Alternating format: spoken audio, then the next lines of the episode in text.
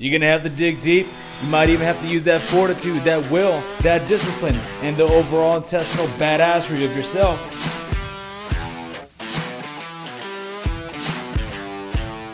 And three. And we're live, everyone. Hey, thanks for joining Reek on the radio with today.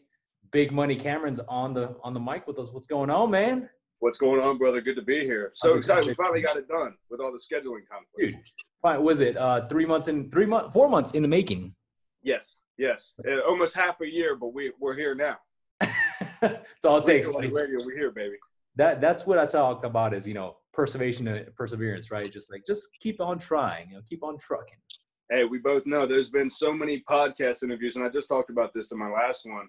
I mean, I don't know how many messages I get a day. Hey, man, can we do a podcast? And sometimes you have to wade through everyone's schedules to finally get to that interview. But the ones that get there, it's usually worth it because everybody's so busy hustling, doing their thing. Yeah, I just did one with uh, 911 Strong. If you don't know who he is, super funny guy, um, like great law enforcement guy. I'm a U.S. Marshal um, posse member right now, part time type deal. Right And on. uh, he's like, "Hey, do you have five minutes right now?" And I'm like, Absolutely. I was like, "Hey, honey, we're gonna do this right now." So, uh, kind of got me off guard, but if you if you get a chance, man, check him out. He's so fun. He's I on will. he's on a couple of grunt style videos or grunt uh, Okay. um, vet TV videos. Okay, vet TV. I've heard about those guys. Yeah, Donnie's a really good guy. Donnie's uh the guy, the creator of that is very, very good. He co- encompasses the Marine Corps humory, humor, uh, humor as well, and then also he encompasses the um the what's it called? The what I'm looking for, the camaraderie of the Marine Corps and the Army as well. Really, really good. Real funny No. stuff. I'll check him out for sure. Yeah. So what's going on? How's the quarantine treating you, buddy?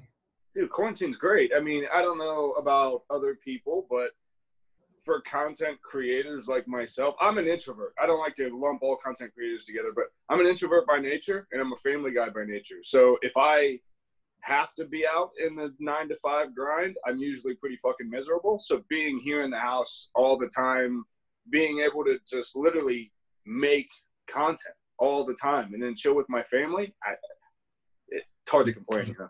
Easy money. How's the the fitness quarantine? Because I'm starting to see a lot of people like literally just shut down, Yeah. lose their mind because they don't have a gym. I'll be very honest. You know, I about two years ago I stopped like just lifting weights. I was really big into like physique building and stuff like that, and I, I just got burned out from it and started. Uh, I just called a friend of mine that I knew was able to run mitts, and I started doing like MMA training, and I got really big into jujitsu and stuff like that. So much so that I, I actually took my first amateur kickboxing fight right when that happened. Right when my fight happened back in November, I just lost all motivation for everything because I had just hit such a steep hill of a climb and a grind for like two years. Then the quarantine happened, and I was like, "Oh, I'm just going all in on audio, video, podcasting." And dude, I just two weeks ago got back to running, and I'm a fat shit now. Dude, I'm right there with you. I used to box in the army for my battalion. Nice. I love boxing. I, you know, I, I used to fight quite a bit here in Scottsdale, professional type deal, not in the bars. Sure. But you know, one of the things I do miss is just that physical fitness. You know, peaking yourself. But when I was in jujitsu, um, I, I'm- I said I share the same in, uh, you know sentiments, man, because I was getting after it three or four times a day on the mats, sp- uh, sparring. Loved it, right? Yeah. to the point where I was like, shoot, man, I'm just. I don't have it. I don't have it in me. So what'd you do to like kind of kind of combat that? Well, I mean, for me, it's mental health. So, like, I got into all of it anyway for my mental health. Uh, when I, you know, I'm tr- trying not to go all over with my story, but I got sober f- almost four years ago. And when I got sober, I have always, you know, the typical thing on deployment is you work out. So, 2015 to 2016, I was deployed to Guantanamo Bay. We were working out twice a day. Shout out to the bang there. That's the Oh, you like power that? fuel. Yeah. I can't do them. They, they make me anxious. They make me shake. So the stuff with the BCAA, dude, I'm not gonna lie, I'm on the toilet like that. I'm like, Yeah. oh, but this the one with the Q or COQ10 EAA. Yeah. Not only No drink problem. half, I can't, I can't. I have to watch for blood pressure, man. So, oh, see, I'm high cholesterol, so I had like, and that goes with the food too. Uh, terrible decision making during quarantine. I don't know if you saw. I I I have a cooking show too. It's called Ready to Rise. So during it. that, I had nothing else to do but just make delicious food. And let's just be honest, it's it was lack of self discipline that I stopped running and doing stuff. It takes nothing to run. It didn't break any coronavirus rules to go out and run. I right. just enjoying the time of like, I think I'm just gonna be a fat shit and eat breakfast scrambles and all that. I've always wanted to know like what is like how does it feel to just be like i don't give a shit. I'm fucking fat. Like i don't care. Like i mean was it one of the was it was it one of those good and bad things where you're like man this is really awesome. At the same aspect like i feel like crap. Yeah because i mean you you know being in boxing and i don't know what other in jiu-jitsu i don't know what all you competed in but like if you've ever had to cut weight before seriously oh. where, where you've had to cut i mean i cut 17 pounds in two days for for my uh, amateur fight, and that's just an amateur kickboxing fight in a smoke smoker bar, you know. So if you've ever done that and you've seen how drastically you can change your body just with deficit of nutrition or adding nutrition back in and uh, water retention and all that stuff, I think it's very hard to not come out with some sort of body dysmorphia to where if you let yourself go, you go, oh my God, dude, what the fuck am I doing? Almost makes it impossible to even enjoy it. Yeah. Because, yeah. you know, like, you know, you're going to pay for it. Especially yep. me, I have high cholesterol. So I have to always watch what I eat. So for me, I was a personal trainer, fighter, all this shit. I know better. So I don't really get to enjoy it because I know what I'm doing and I know that I'm not doing the right thing. I think I can do it for if I can just like not eat healthy for maybe a week. And then after that, the the body dysmorphia, you're just like I feel disgusting. I look disgusting for myself. And yeah. then on top of that, I just I don't feel good, man. Like I can't get my miles in. Usually I run about two to three miles a day. Um, even on quarantine, like I don't want to. I know I need to. Um, I just do it, man. Do the work, and um, I, I I I don't know, man. I just I really wish I could. Here in the last like well since the quarantine, I've been trying to keep like a good inventory of my thoughts and everything. And one thing I've noticed that when I start slacking on my diet, and when I let myself start slipping on the run, my mental immediately goes. So I noticed that when I start getting depressed and anxious and stuff like that, I look and I'm like, well, when was the last time you went for a run? Ah. Oh, that's been two weeks. Oh, what what have you eaten in the last 72 hours? You're like pizza, Fritos, Funyuns, and you're like, well, fuck, dude. And it's like, well, you have no excuse. And yeah. I, believe it or not, this is going to be an unpopular opinion. I have found that that actually helps with depression and anxiety. When you can put it back on yourself and go, oh, look, I'm not doing the shit I'm supposed to do. How can I possibly lay here and feel bad about depression, anxiety, all these things that I struggle with when at least at a very baseline level, I'm not doing the things that keep my body operating at a maximum level. So I can't then bitch when I don't feel good, you know? Yeah, yeah. So it, it, takes the power away from the depression. I think so many people get caught up in that depression, anxiety. It's this life sentence of sorts where turn that shit back on yourself and go, well, what am I doing to combat it? Almost nothing. Well, then it's not so much the depression, it's me. You know, I'll call myself a motherfucker all day long. I just, you know, can't yell at a faceless title. That, you know, I've never heard that expression. That is so true, man. That is so yeah. true. Um, yeah. I interviewed this guy, uh, Era of Tech. His name is uh, Takata, right? Mm-hmm. And uh, this guy, I think he's sub sub eight minute miles, right? Dude, the dude's flying, flying, right? Yeah. And he talked about uh, ADHD and how he was on it, um, and then how like he just actually substituted that pill with, uh, running, right? Yeah. And dude, now like I think he was a pre-Olympian joined the army, and the dude did uh best ranger.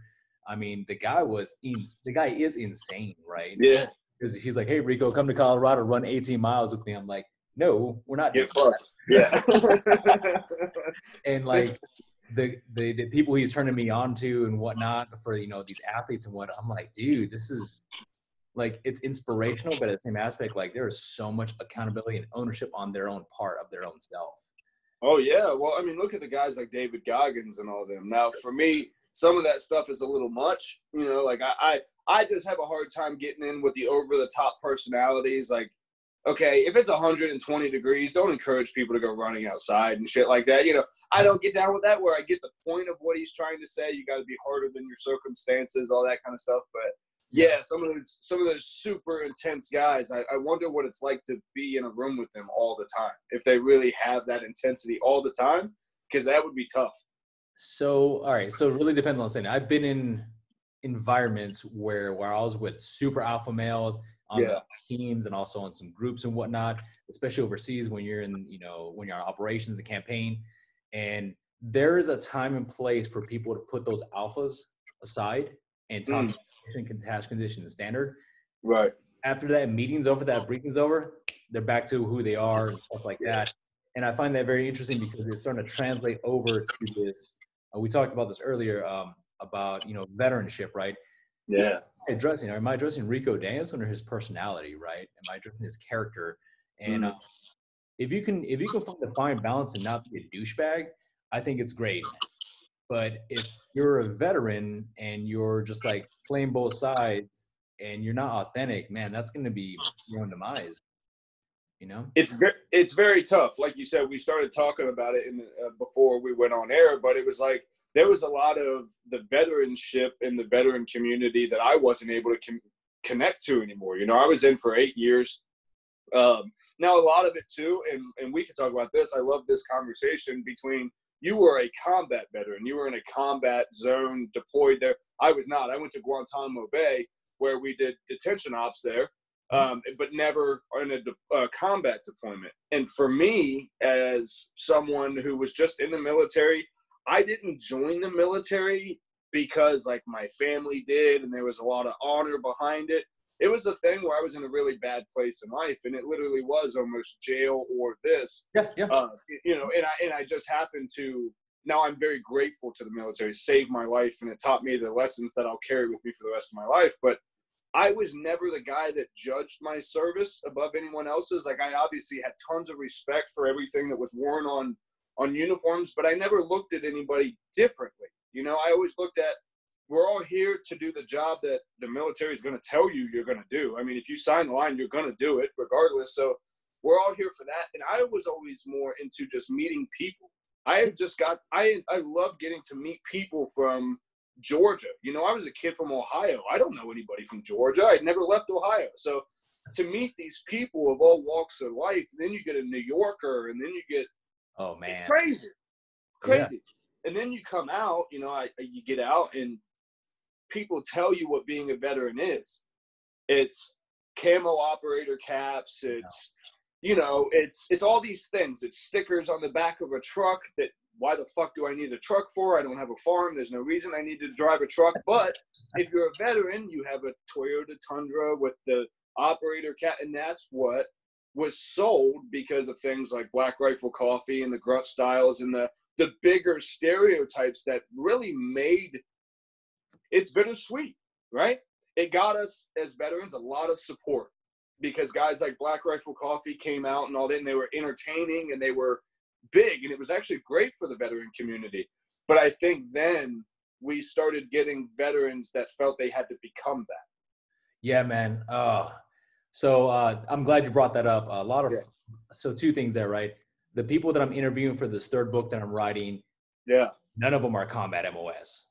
Gotcha. And they're actually representing the Army boxing team, the Marine Corps boxing team, the right fit uh, well. And I'm just like, what do you, what do you do? One of them I just interviewed yesterday. Him is Rachel. She's like, oh, I'm an optometrist. I'm like, what? And dude, dude, like I looked up her, um, I looked up her ANREP, right? on yeah. uh, I think Fran or Diane on the workouts. Dude blows my fucking time away.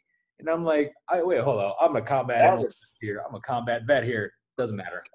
Yeah. I a guy named Neil. Dude, he kills it. I'm like, what is going on here? You know? Um, I, yeah, and my, my next approach is to uh, to interview a boxer, all, all army boxer, right? Yeah. And, and you know, whenever you whenever you're talking about you know I, I was I was approached. You know, I'm a businessman at heart, right? Sure. I'm a cold, cold-hearted, cold-blooded businessman. I know what to do, and I've had five um, Navy, Army, Coast Guard uh, businesses who were copy-based and who, who are also t-shirt based and said, "Rico, I want to sell my business." And I told him, I was like, dude, there's no business. You have a hobby that makes money. I'm sorry. Right. Yeah. I'm the asshole. Well, and I mean, dude, how many how many veterans have started beard oil companies, t-shirt companies, and coffee companies now? Tons, tons, tons. Almost all. If they're not doing that, they're doing something else, which is great. I absolutely encourage veterans to get out into the business space. But the thing that always irritated me was it was watching people trying to become a another thing. Now, sure. in the military, you are single minded. You have to be mission focused. Everybody's in for one thing. And I think the guys in the in those communities they capitalized on that almost brainwash mentality. If you just keep talking about all these things, big guns, women in bikinis, and all this shit that's just big and glamorous and slamming whiskey, but we also don't talk about how veterans have severe drinking issues and infidelity and divorce is a huge problem in the military and you don't just get to walk around and shoot 50 cals because you joined the military. It's not realistic. It's not real. So right. it's great for selling t-shirts and selling bags of coffee, but when you think of what you're putting into people's heads, including veterans who think that's what they're supposed to be, yeah, no. Why why do we then go, well, I don't understand where all this mental health issues are coming from.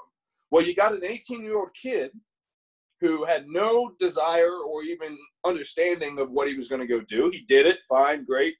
But then you tell him that most of what he did wasn't good enough because he didn't go to A, B, or C. His fellow combat, you know, his fellow veterans will tell him that. Yep, yep. Then he sees these ads for grunt style and all the whatever the big chains are. I don't know what they are anymore. I don't know what's popular. Magpul and shit. I don't know what people use anymore. um, but you know, and then you get these influencers and these guys that come off to be these characters and these big flashy things, and you have a whole group of veterans going, "I'm not any of that." What, right. You know, right. I'm not any of those things. And some people would immediately say, "Well, that would be the individual's fault for what you put your identity into."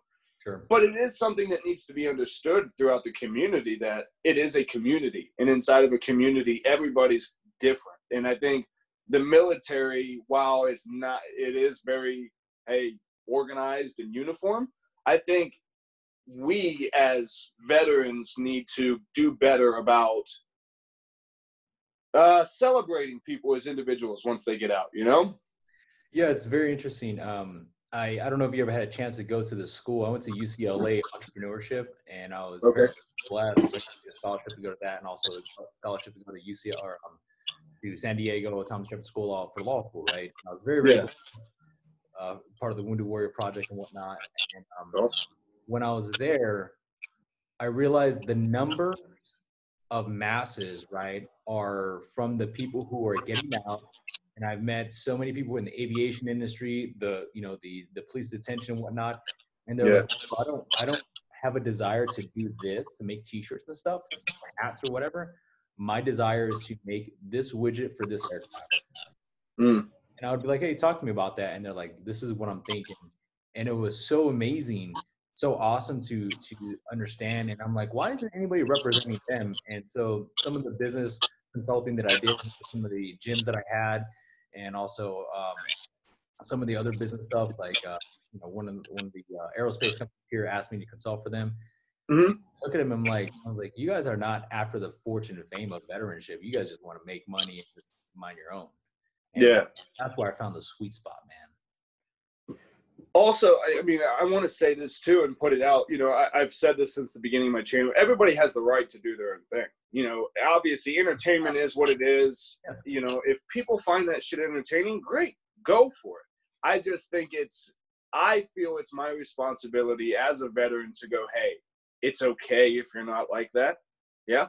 You you can still be very successful in veteran business and not be any of those things. There is a whole community of people that are just normal people. My favorite veteran stories, and it's probably just because I'm like-minded, is the guy that got out, got himself a cabin in the woods, and he like does woodworking, and that's just what he does yeah. because he just wants to be left alone do his art. He doesn't really, you know, he'll sell it at craft shows, but doesn't really give a shit if he gets famous from it. It's not this incessant need for attention. Right. It, it's just you're taking the skills you learned in being a veteran and you applied it to business. You didn't take the smallest part of military life and make it seem like it's every day and like it was your everyday and it was this glorified thing that it's not because again a lot of the a lot of the reason the va disability compensation is so high is because that shit sucks it's not it's not fun it's not funny to laugh about a lot of that shit so i think a lot of that needs to be remembered and in entertainment we still have a responsibility to tell the truth and that's across the spectrum right now with media that's a huge problem right right i definitely understand um, you know one of the things it was uh, it was a pretty tough pill to swallow as as people you know move forward and stuff like that. And they're like, hey, you know, I got all these cool veteran things.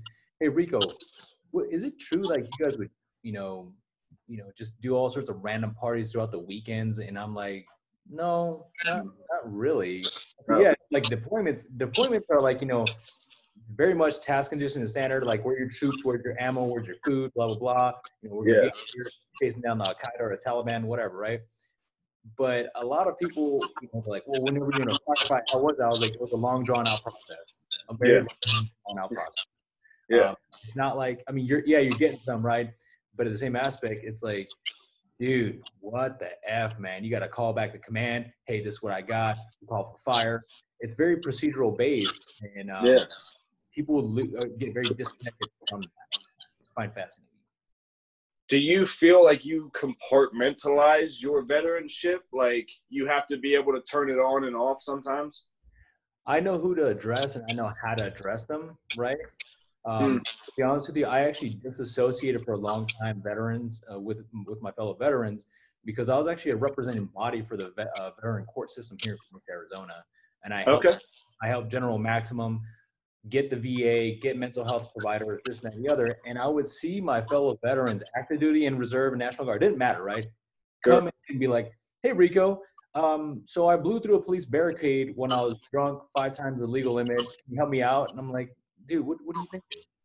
What do you think? Or when I'll say, hey, your job now for the next year is to get um, substance use, mental health, and for the year, and then we'll downgrade your, your charges, right? yeah And they'll be like, well, why do I have to do that? i went through the veterans treatment court here in tennessee when i got my dui yeah Yeah, well, thanks, man. Yeah it- it's it's seriously life changing it, it changed my life i mean they put me on you know you're on an alcohol monitoring system for a few phases and then it kind of slows down. But that's where i got into social media was halfway through phase two you start getting these i forget what they call them now but it's essentially like you get credit for finding a passion that you care about and doing it. You get like you used to go to have like in phase one you got to go to like six aa meetings a week. In phase two you may have to go to two but you have to do four self-helps Yep, but yep. recording a podcast that can count as one. You know what i'm saying Dude, that's awesome. I'm so Yeah. happy to hear that. yeah We kind of ran similar, similar things. It was very interesting. changed my life Amazing. But that's where I sorted out all those bugs. You know, I was trying so hard to be the next Matt Best until I had a, a counselor in the VTC was like, "What's wrong with Cam? Why can't you just figure out what the fuck that is first? you know, if there's some Matt Best in there and that's why you connect to him, fine. But don't become Matt Best. Just be Cam. You know. And I was like, "Oh shit, I never thought about that one." You Yeah. know, from the time I was 18, I was private specialist with Williamson, and before that, I was somebody's son, somebody's brother. You know, it's Yeah. hard, man, when you're coming up to really find your identity. I think even the vet community is special for that because vets have a hard time yeah. turning that page, especially once it's done. Going, well, what the fuck do I do now? You know, there's there's no inspection, there's no layout, there's no nothing, there's no more objective. What do I do now?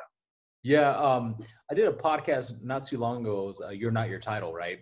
And what I was telling, what I was trying to convey across to my community was, um, I, I remember giving counsel to the sergeant major, right? And the sergeant major was, um, what's it called? Uh, he was like, "Hey, man, I need some help here. I, I don't know what I'm doing per se." And I'm like, "Cool, man." And, and he's like, "But I need you to address me as sergeant major." Go, "Hey, pal." Um, you know, I, I don't think I can do that because it, one, we're not in the military anymore, and then two, you know, we're just kind of let's just kind of work with it. And, and what's your first name, right? And his name was William, and uh, William was like, "Hey, cool. Let me. Uh, what, what, what are we gonna talk about? Call me Sergeant Major." I'm like, "That doesn't doesn't work." And so you're right. Like I tell him, you are not your title anymore, man. You are William. Just be the best you. And this guy, this gentleman was older than me, and he could not like conceptualize it. It was very very interesting. Um, but now he's doing amazing. I, I find it, it's fear. When you see that, a lot of the times it's fear. I need you to address me here. I can control that. Yeah, yeah. If you address me as sergeant major, that means I fall into that role. I know that role. I'm comfortable in that role. I'm not comfortable as William. Don't call me William because I don't know that. I'm not comfortable with that in public. I've I try to deal with it in the dark and you know whatever. That's I find when people really get into address me by my rank. Oh, okay, bud. Cool. I'm yep. sure this is really about this, but sure, it has nothing to do with a shattered insecurity or somewhere deep in your subconscious. But that's fine, no problem. Yeah. one of the one of the power, I think the you know kind of addressing the question you asked me was, you know, do I associate with veterans? Uh, I do, I do, absolutely. Sure. However, I won't engage into somebody's like, hey, you know, when we're in Afghanistan, laying bodies. I'm like, I, I wasn't on campaign with you, pal. I don't know you. Yeah. Um, I wasn't, you know, like I was in the middle of Jackie and staying in Afghanistan with four guys or six, yeah. and four of us came home on contract. I mean, I'm, I'm sorry, like I don't know you that way, but nonetheless, I'll be here to talk to you. And I just, uh, I find it very, very interesting, and and um, you know, just I have to find that balance, right? Find that balance of who I'm addressing. Yeah, and I have that issue. Again, comes up as not being a con, uh, combat veteran when I hear guys say shit like that, you know, oh yeah, we were in whatever stacking bodies. First, that makes me believe one, you probably weren't. First and foremost, you probably weren't. But two, if you were, I always just want to have a conversation with them and go, look, I was in the military too. I hate motherfuckers that go against America more than anything in this world. And I still to this day, beard and all, I would drop it all if America was in trouble. And because that's my family lives here. Absolutely. But need not forget, and remember, I was a detention, you know, guard at Guantanamo Bay. You have to still, and this is for your own mental health. You have to look at that human being as a human being. Yeah. You've got to come to grips with that. So that whole stack of bodies laying waste to motherfuckers, that's great to get through the day. And that's great to get you through the mission and you do what the fuck you got to do. But yeah. when you lay down at night and you're still talking about, I'm stacking motherfuckers, that's you got to get yourself to that height position just to sleep so you can you got to come to fact those are human beings that were in a cage or on the ground you got to deal with that shit and I, i've just found so many times that when dudes do that out of ego or out of humor it's really they're just they haven't even processed the fact that what they actually did or you know what they were subjected to yeah, I think you're right. Um, a lot of I have I have two friends of mine can come to my mind. They talk, they speak as if that was it, and you know, whenever I engage with them on on my level, I'm like, hey, how's it going? So how's life? And he's like, you remember this? I'm like, I was like, hey, that's cool, buddy. Um, let's go and move that aside, and let's talk you and I. You know, like what's new? Catch yeah. up, blah blah. And they want to go back to that. And uh, so I've had to recently put two people in a frame. You know, I won't ever block them, but I put them in a frame. I set this boundary for myself, and I say, hey, man. Um, so I want to talk to you about your physical fitness and how your girlfriend is doing, blah, blah, blah. Uh, I don't want to go down that route because I know my, my mental capability. I just, it's not for me right now. But let's, yeah. there's a time and environment for that. Obviously not intoxicated and obviously not with a weapon in your hand. So let's not, we're not doing any of that, right? Yeah. So, uh, yeah, it's, it's very interesting, man. Yeah, it, it's tough. And I, I mean, I'll tell you, it just, that was a big part. I mean, I struggled with alcohol for years, dude, for years I had three DUIs to prove it. Like, and a lot of it came because I wanted so badly to just be that character from Stop Loss. I don't know if you've ever seen the movie Stop Loss with Channing Tatum and yeah, yeah, yeah, great movie, fantastic movie. Those guys did amazing. But if you watch that whole movie, it's torture. It tortures your soul to watch that movie.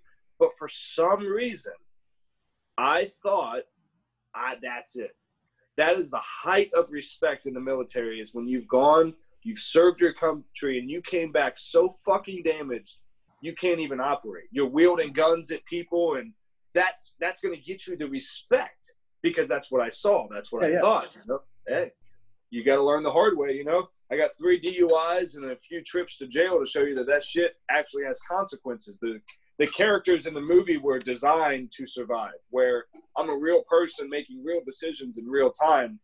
Yeah. I may not survive or have to actually go spend seven to ten years in a cage. You know. Yeah, that's very true. Um, you know, to to my fellow veterans who are out there, I, I've known a few who've gone down that route, and I I understand we all have PTSD. I get it. You know, Yeah. Never discredit anybody's PTSD. once- Never. and never. Never. Like, whatever you went through, whatever you went through, awesome. Um, Mm. One of the things that I would definitely say is, I always question, especially when I was working in the, the uh, VA area. I said, you know, how much is this fabricated? Not so you didn't see it, but more so like you're exacerbating something that was this big. Mm. Um, and so I said, hey man, uh, I remember working with this guy. I was like, you need to go ahead and do a reality check, and, and you don't have to do it in front of me.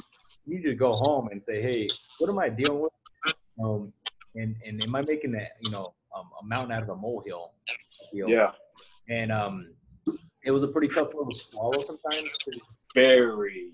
That is probably the toughest pill to swallow, especially, and I'm going to catch a lot of shit on this one.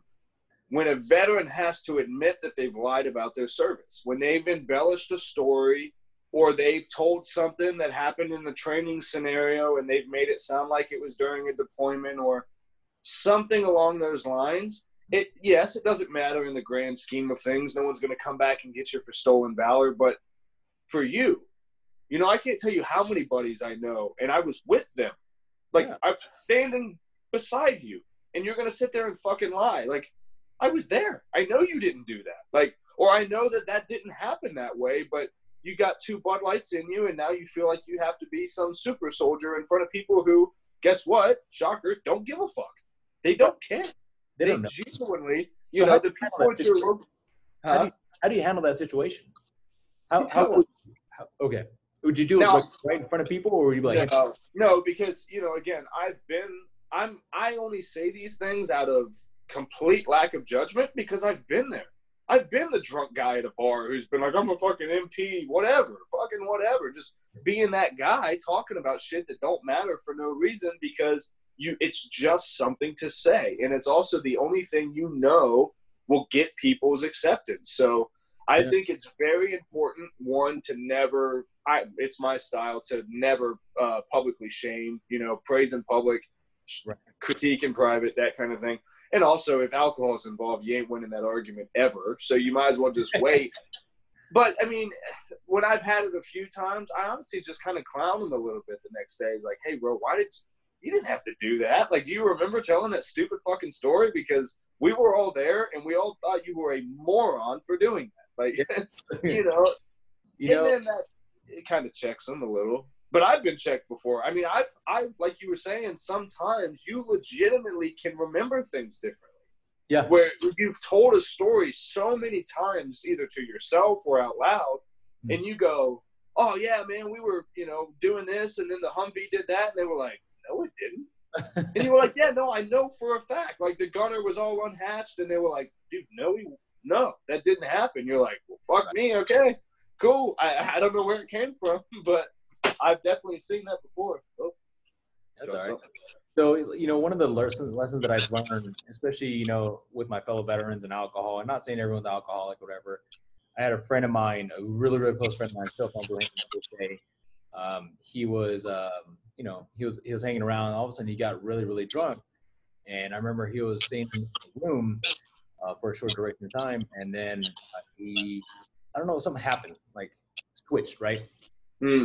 He holsters his weapon, he gets his helmet, he's like, I'm gonna go on a motorcycle run. I'm like, I can't let you do that, bro. Yeah. And I remember I was like, "Hey, buddy, you need to back up." So I get him in his room, and he and he reach, he gets a shotgun and he racks it, and he points it to my my my my chest, and I'm like, "Hey, man, what are you doing?" And he goes, "Well, you're in my way." And I said, "Well, look, man, if if this is the way that I'm gonna have to die to your hands, so you can feel better as a veteran, I'm okay with that, and it's a shitty way." But and I'm okay with just dying. That's fine Yeah. Come to peace with it. yeah, trust me, I've, I've had my contact with it. Yeah. Uh, and I go, hey man, like, just do me a favor. You can do that later. Just go ahead and go to bed right now. We can you can address that a little bit later. Next morning he wakes up. He's like, hey man, what a crazy night. I'm like, you gotta go, bro. You gotta go, man. And for three years he didn't talk to me. He's like, you're a piece of shit. And it wasn't until year four he came around. He's like, I want to say thank you very much for um, for not allowing me in your house ever again and and not being my friend for three years. I'm like, you got it, man. And you know. But is it because you've been in a dark place like that where you can connect a little, where you it's you're not even angry about it because you're like, dude, I just know what you're going through. You know, I, I just I, I hurt for you right now. That's why in that space you're willing to die for that. You're like, bro, you're hurting so much more than I would be if you shot me. Yeah, you yeah, know? yeah. I remember that. Um, and till this day, I don't I don't have the answer of why. I think you just answered the question of why I allowed that. I was okay with it. You know, yeah, yeah, it's fine. Um, but in that moment, for three years afterwards, uh, I lost a good friend. But at the same aspect, I was like, hey man, it is what it is, and you know, you just kind of triumph. Um, I believe my alcohol was education. Mm. You know, like everyone else, you know, a lot of friends went to pills and drinking and stuff like that. Dude, I would lock myself in a room and study, and that's why the result of that is I have uh, three masters and a law degree. So and um. So you you handle the alcohol thing. You can still drink to this day, no problem. I I, I can drink whatever I want, dude. I just don't drink. No, you just don't. You don't care for it. See, I'm four years sober now, and it could just be age. I don't know. It could be age, but it's just like I have no desire. I genuinely don't have the desire to go feel like shit the next day, and like I don't, I don't, I just don't miss it now. I but don't. You know, but you know what I am addicted to, man, is Sonoran hot dog. Like, what is it? Sonoran hot dogs. There are these hot dogs wrapped in bacon with beans and jalapenos. Not good. Post that shit on the gram, dude. I need to see that. dude, I will send you a, a, picture, dude. They're here in Phoenix. If you ever come here, I'll take you to go get some uh, Sonoran hot dogs. I'm gonna take you up on that. That sounds fucking amazing. I'm not gonna lie. You're probably gonna feel like you're gonna have a heart attack afterwards. Dude, I, I live with anxiety and high cholesterol. That's every day. That's I just I just made that joke actually on my podcast because I was working on a stand-up bit, um, and I was doing. I, I, was just kind of mustering it around in my head the other day. It, did you listen to the Joe Rogan episode where he was talking about with Chris D'Elia? No, I haven't. Did you watch a lot of Rogan? Uh, I do, I do. I just haven't caught that one yet. Him and him and Chris D'Elia were having a conversation where they were talking about how they almost shit themselves recently. Chris D'Elia was saying how he hadn't. That's not really a lifestyle thing of his and Joe Rogan was like, dude, you don't take enough chances in life. If you're not almost shitting yourself in traffic, you're not taking enough chances. well, and I connected more with Chris D'Elia, where I was like, I got sensitive digestive. I got like the digestive of an infant. So I don't play games with my food, especially in public. So I, I definitely don't get that. But as somebody who has anxiety and who has high cholesterol, anytime I get that, like any feeling in my chest, I think I'm having a heart attack. So yeah. I could only equate it to how Rogan thinks he's going to shit himself all the time. Mm-hmm. Apparently, with this carnivore diet that he's doing. Dude, I tried the carnivore diet. Dude, my my my red blood cells were so damn high. But Tough how, on the stomach.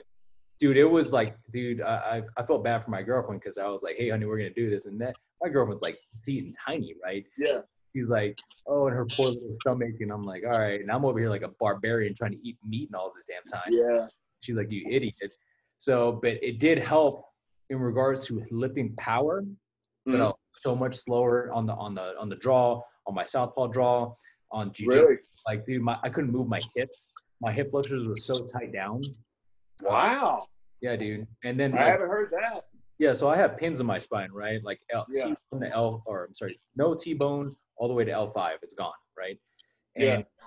usually, whenever I'm on a vegan-based diet type deal, I can open up and I can feel it more. I can I can open up the hip flexors more and able to sprawl more, right? On the one yeah.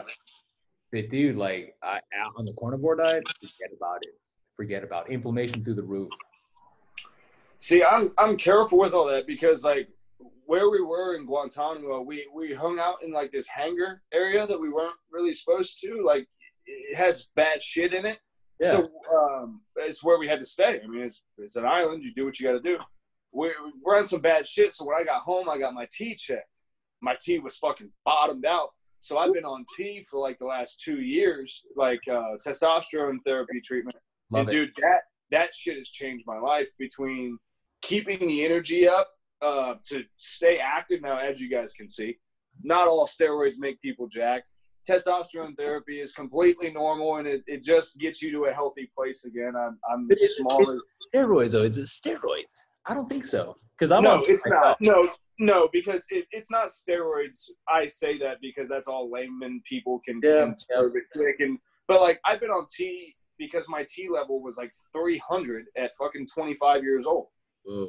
Now I was still having kids and everything else. I've got two beautiful children and a wife who's completely happy, but I felt terrible. I just my energy was shit. You know, I didn't have any of the problems that are advertised on TV like ED or hair loss. I still got all my fucking hair and all this shit.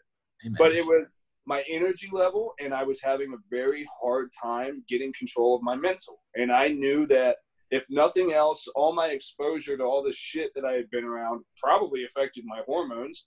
Mhm. Uh, I luckily, when I got home, started working for a T clinic, and they were like, "Yeah, man, we'll we'll check you out." And he was like, "Oh, dude, you're fucked. Like your free T is non-existent. Your total T is lower than shit. You know, my estrogen was fine, but it was like he was like, "Yeah, here's all your energy."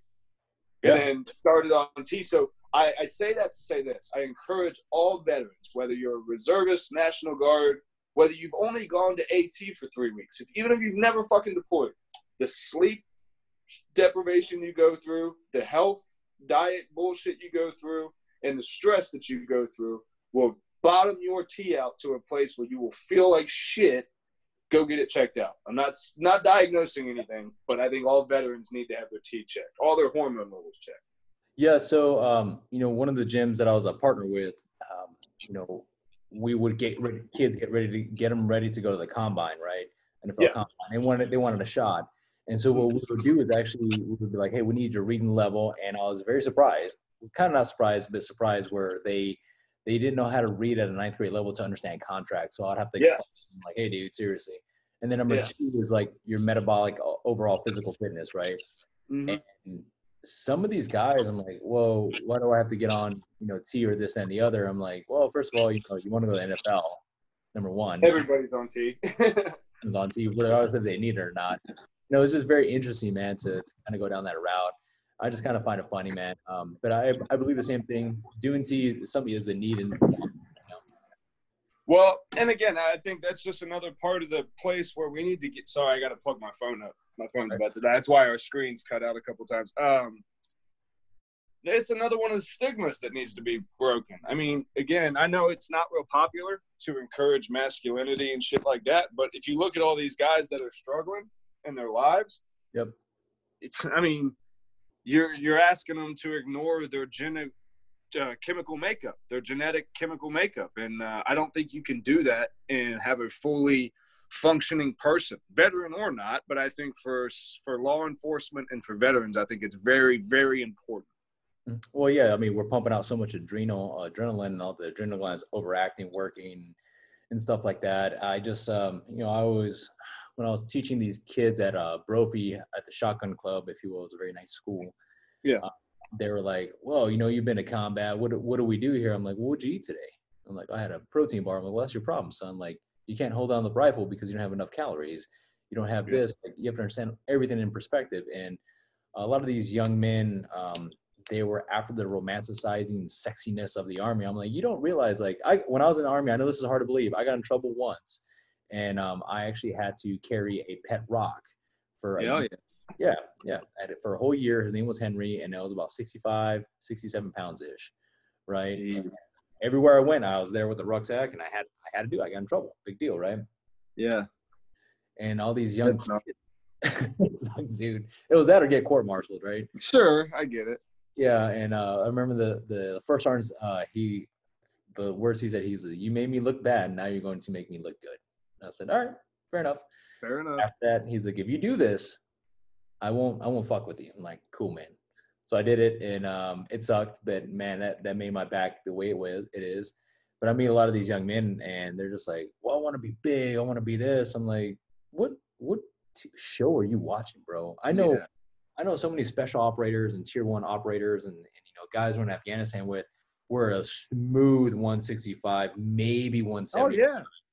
And I'm like, those guys are running the hills, you know, getting after it. I say, if you're gonna be 200 something, 250 pounds first of all, if you get shot, like you know how much weight you're going to be for your team. Oh yeah. And uh, they they're like, oh, what do you think about that? I'm like, yeah, no shit. We're here at Campbell. You know, we got fifth group dudes here, and we got the 160th dudes here. And uh, oh yeah, I mean, you watch most of these guys; they look like me. And yeah. most of them, I mean, honestly, I don't see most of them that are above five ten. Yeah, lean to me, no. man. Mean. Yeah, most operators are short guys, and if they are stocky, they're like you. They're not. They're not huge. They're not like Arnold's or nothing like because that's not functional. Yeah, no, no, it's not operational effective, right? Yeah, it just doesn't work, man. And um, that's what I always tell people. I'm like, you know, what are you training for? What are you trying to get after? And and pivot around that. Um, when I was working out with the, one of those guys at a private gym, he's like, Rico, why don't you have a six pack abs? And I go, well, dude, like I don't need uh, six pack abs on like food, dog. I like food, bro. Abs are made in the kitchen, and I ain't got that kind of discipline right now. There you go, man. Uh, That's what I tell them. That's just if you tell people what it is, then they'll leave you alone. If not, you got to listen to their oh, you should come to my CrossFit gym bullshit. that Kool Aid too. Yeah, sure. Yeah. yeah. No, I, I always tell people, I'm like, well, when the bullets start flying, are your abs going to stop the bullets? And they're like, well, what do you what, what, do you mean? I'm like, well, I mean, if you're going to get mugged, do you I'm like, hey, hold on, let me break out my abs. Yeah. Rob, thieves don't care about that. Nah. Nope. you got to be able to handle it. Yeah, exactly. And I said, you'll be surprised, like the scrawny little dudes or the guys who are unsuspecting who will, who will clean your clock very quickly. And I'll tell you, man, just in MMA, and I, I can tell you from when I was preparing for my fight and just for myself, I'm a southpaw striker. And you get a long, lanky dude that knows how to reach out and touch you, he can make you have a very bad day very quick. Just remember, because uh, you're big and shit, if he can move around you and get to where your liver is and your head ain't, it's a bad day. Yeah, I remember this this boxing match that I got into. I was I was in the army and I was doing good. And I was on a winning streak. And the guy, you know, obviously there's a little bit of weight class, but not really. So I go up there and I put my hands up, and all he says, "I'm sorry," and I don't remember a crap after that. He just I, knocked out. It was uh, a minute and 15 seconds in, and I was out. And I'm very fortunate. I've never I've never been knocked out, but I mean oh. I didn't go to the levels you went either. So I for me it was one amateur kickboxing fight, and I was good for that. But I've yeah, I've always feared getting knocked out. Always. It, so it's like I, I'll say, you know how you got drunk and then you wake up the next morning, not with the shakes or whatever, but you're just like, what? have no clue what happened. Yeah. There you go. That's what it's like. My buddy, my buddy Nate Landwehr, uh, he fights in the UFC, and unfortunately, his first, his UFC debut, he got knocked out with a gruesome knee. I mean, dude just caught him clean with a knee. It happens. They were coming out to clinch. He just didn't you know, separate. Caught a knee, knocked him out clean. Well, his uh, second fight was this past weekend where he won. And they asked him after the fight, they were like, Yeah, you had a terrible first shout. What was it like to get knocked out? That was the first time. He's like, I didn't even know this shit happened. He was like, Someone had to tell me four yeah. hours later that the fight was over. He was like, I just woke up and I was, I just thought it was Saturday. I didn't know. He's like, I didn't know the fight had started. I thought I still had to go fight that night. yeah, it's so true, man. Like your world gets rocked. And, um, you know, I, some of the fights that I see, I'm just like, oh, buddy, that those are memories gone right there, like that. Oh yeah, I mean, now nights of drinking, I have plenty of that. I have plenty of those where, yeah, it's gone forever, and I probably have more CTE from drinking than I do from the military. Oh yeah, yeah, for sure, for sure, for sure, absolutely, man. It's a it's an interesting time, man. Interesting time. Well, yes, look, buddy, uh, we're gonna jam out of here. You know, let let everyone know where they can find you and what you what you're working on next, man. Yeah, absolutely. So you guys can find me on Instagram, Cam Williamson Official, over on YouTube. Uh, right now it's R2R, the letter X, Mac Hayes Productions. If you just type in Cam Williamson, you'll find me. Um, big thing that I'm doing right now is honestly, guys, just trying to put out content that is a positive spin, right? With the corona, with the me- media thing being what it is, and also just with so much content coming out, there's there's a lot of clickbait. There's a lot of people biting for your attention. I just want to be a guy that you can watch, and I call it. I call myself your cousin Cam. I'm your cousin Cam. You can come chill with. You know, I'll probably be rolling up, hanging out, just cooking some good food, and I document it and put it all online. So if you guys like hanging out, that's that's what I'm about. I'm not going to try to sell you anything crazy or some proof plan to grow your Instagram. I just like hanging out. That's it. You don't want to sell me business coaching for coaching of coaching? No, I, I have no business coaching for coachings. Uh, if y'all need help, Rico's your guy. Hit him up. no, no, no. I'm just a good businessman. That's it. right, big man. Um, what I'll do here is actually send you two free copies of the book on on my Appreciate account. Um, if you find grammatical spelling er- errors, please let me know. You know that's what I've heard so far. I'm gonna post it up. I'll just Oh. I'll post the whole thing up as I'm reading it. oh no. Other than that, man, uh, thank you so much for your time and uh, ready to rock and roll. Hang tight, okay, man. Thanks. Thank you, bro.